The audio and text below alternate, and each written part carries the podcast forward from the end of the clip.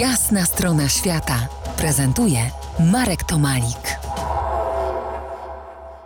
Opowiadam dziś, jak za komuny podróżowało się na wschód, ten radziecki wschód. Kostia miał mnie na lotnisku w Irkucku powitać, ale nie przewidziałem, że w ówczesnym Sajuzie czasy lokalne, przynajmniej na biletach lotniczych, były zmonopolizowane przez czas moskiewski, więc się Kostia nie doczekał. Do jego mieszkania komunałki dotarłem z lotniska trolejbusem, tak jakoś na czuja.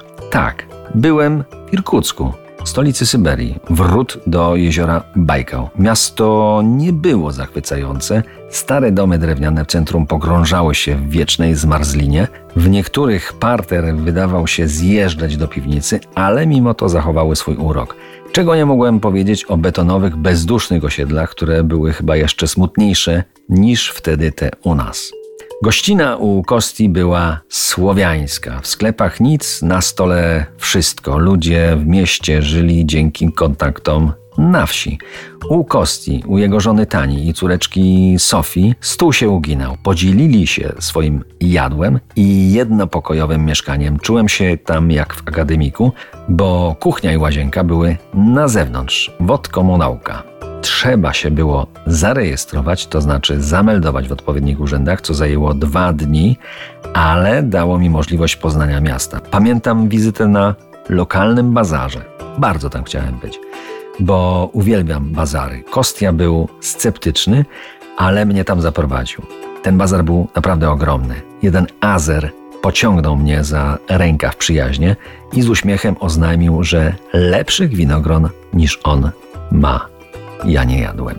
I miał rację. Ta niesamowita, wysublimowana słodycz kontrastowała z ponurym wtedy dla mnie Irkuckiem. Chciałem jak najszybciej znaleźć się jednak nad Bajkałem. Ale w planie była wizyta w szkole podstawowej, gdzie pracował Kostia. Szkoła wyglądała bardziej ubogo niż wtedy nasze, jakbym przeniósł się 20-30 lat wstecz, ale ujęło mnie, że Kostia, nauczyciel geografii, prowadził lekcje pod krawatem, w swetrze, ale pod krawatem. Dzieciaki tryskały humorem i były bardzo ciekawe dalekie im Polski. Z częścią z nich spotkałem się kilkanaście dni później nad Bajkałem, ale o tym opowiem za chwilę. W planie była jeszcze wizyta w Irkucku, w domu Witi, który to miał dołączyć do naszej wyprawy nad Bajkał. Witia mówił po rosyjsku, ale czytał polskie książki. To on zaraził mnie złym Tyrmanda.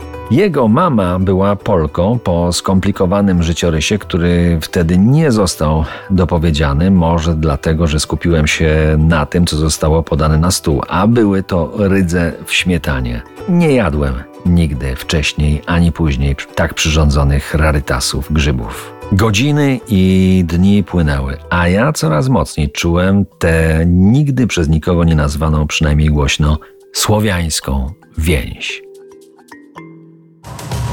To jest jasna strona świata w RMS Classic.